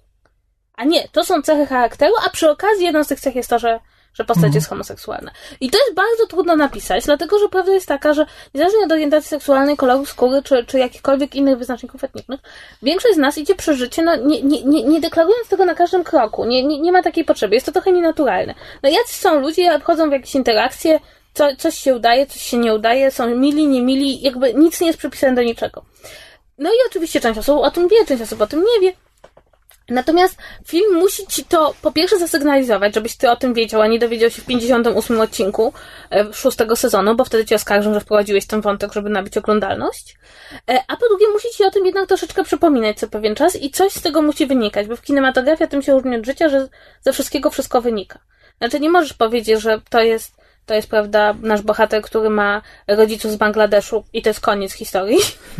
nie, on jest, on jest, ma rodziców z Bangladeszu, więc z tym się musi coś wiązać, prawda? Bo dlaczego byłby z Bangladeszu inaczej, prawda? Przecież nie ma postaci, z którym ma rodziców z Bangladeszu bez, bez powodu. E, I to jest właśnie problem. Mi, mi, się wydaje, że największy. Właśnie, że coś z tego musi wynikać. Mhm. E, kiedy oczywiście, no, być może w serialach o, o tam, o, o, o homoseksualnej młodzieży w szkołach średnich to rzeczywiście coś z tego wynika, ale bardzo często nic. Mm. Zwłaszcza jeśli, jeśli jest, nie wiem, tam wsparcie ze strony znajomych i, znajomych i rodziny. Więc ja myślę, że to jest, to jest, to jest duży problem, z którym się, tym się boryka kino, ilekroć podejmuje ten temat i dlatego jest tyle oskarżeń o podążanie za poprawnością polityczną, dlatego, że ludzie są bardziej jakby, przez to, że to trzeba im powiedzieć, wyeksponować, to przez to dla niektórych to się staje, no tak, okej, okay, to nie jest postać tam, nie wiem, Iksiński, który jest niemiły, gra na fortepianie i stepuje i jest gejem, tylko o, to jest, to jest gej w tym serialu. I to jest ten problem. Bo wtedy rzeczywiście się zdaje, że ta postać jakby jest określana tylko prostą cechę. A poza tym też jak mam wrażenie, że jak pewien temat się staje bardziej omawiany i społeczeństwo się staje bardziej świadome, to też wszędzie to zauważa i jakby no tak, no to jest nie daj, nie daj Boże, nie daj Boże wejść w jakąkolwiek krytykę e, kultury popularnej z punktu widzenia jakiegokolwiek reprezentacji. Nagle po prostu włączasz serial, oglądać się go fajnie, a potem się skurczę, na ekranie są sami biali, heteronormatywni ludzie. No. Dlaczego ten serial mi się tak podoba? Ja co jakiś czas deklaruję w podcaście, jak bardzo, e, jak mój podziw budzi serial 6 stóp pod ziemią, który jakby go tak przeanalizować, to wygląda jakby go ktoś niemal robił z tabelką poprawności politycznej, bo mamy głównego bohatera geja w, w związku z czarnoskórym, e, stała postać drugoplanowa, w zasadzie też pierwszoplanowa, latynos, e, bohaterka kobieca, która eksperymentuje ze związkiem lesbijskim, chociaż nie wychodzi, mniejsza z tym, ale jest, jest ten, ten ptaszek, jest wszystko. Są, są problemy e, sta, starszych ludzi, jest starsza kobieta wdowa, i jest kwestia jej życia erotycznego w pewnym momencie. Tak jakby ta reprezentacja tam jest bardzo a, no, strasznie dużo tych rubryczek w tabelce jest. Mo, można by grać w takie bingo reprezentacji. No i 6 stóp pod ziemią po prostu zaznacza no, bardzo dużo tematów, a przy tym jest niesamowicie napisane. Znaczy, to wszyscy są tam potraktowani jak ludzie, a nie jak obiekt. No bo ja myślę, że to nigdy nie był serial o, o tych wszystkich problemach, tylko o czymś więcej. I to jest hmm. dla mnie przynajmniej tak, z 6 stóp poziomie znakomity, bo jest... 6 stóp poziomie zawsze był serialem o śmierci, tak? O śmierci i w obliczu śmierci, jakie to ma tak, znaczenie. Wszyscy jesteśmy równi. tak jest. Nie, ale, ale tak, ale ja się z tym zgadzam, to jest rzeczywiście, no ale właśnie najlepsze jest to, kiedy orientujesz się po obejrzeniu serialu, że on skreślił całe to reprezentacyjne bingo. A kiedy siadasz do ekranu i mówisz, aha, to ty będziesz tym, ty, ty, ty, ty, i ty. Tak. To tak, no to, no, to, to był błąd, który moim zdaniem zrobiło Glee, bo się oglądało mm. tego Aha. Ale umówmy się, Glee w ogóle miał, powinno się było skończyć na dwóch sezonach. Tak. To jest jakby, tak. to wszyscy wiemy. To wszyscy wiemy, to jest to To jest, ale jest, no, to jest słynna strzelba Czechowa, że czasami po prostu Czasami ktoś ma strzelbę na ścianie, bo podoba mu się jak wygląda. To nie znaczy, że ona musi koniecznie wystrzelić w trzecim akcie. Po prostu może z tym sobie wisieć i być. Ale muszę ci powiedzieć, że na przykład za twoją namową obejrzałam Faking It Mhm.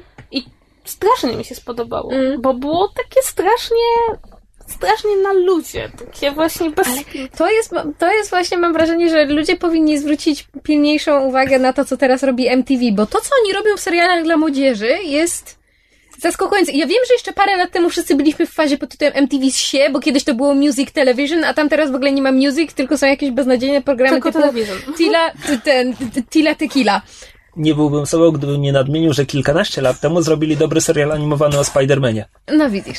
A, a od, 13 od, od dwóch czy trzech lat MTV właśnie jakby Znaczy, ja mam, złapało rytm. ja mam wrażenie, że z- ja właśnie mi się strasznie podobają te seriale MTV, bo one jakby są takie na ludzie i nie zakładają, że kupią całą widownię. Że jak już ogląda serial produkcji MTV, to, to, to, to, to nie jesteś tym samym dzieciakiem, który ogląda serial, nie wiem, na Foxie.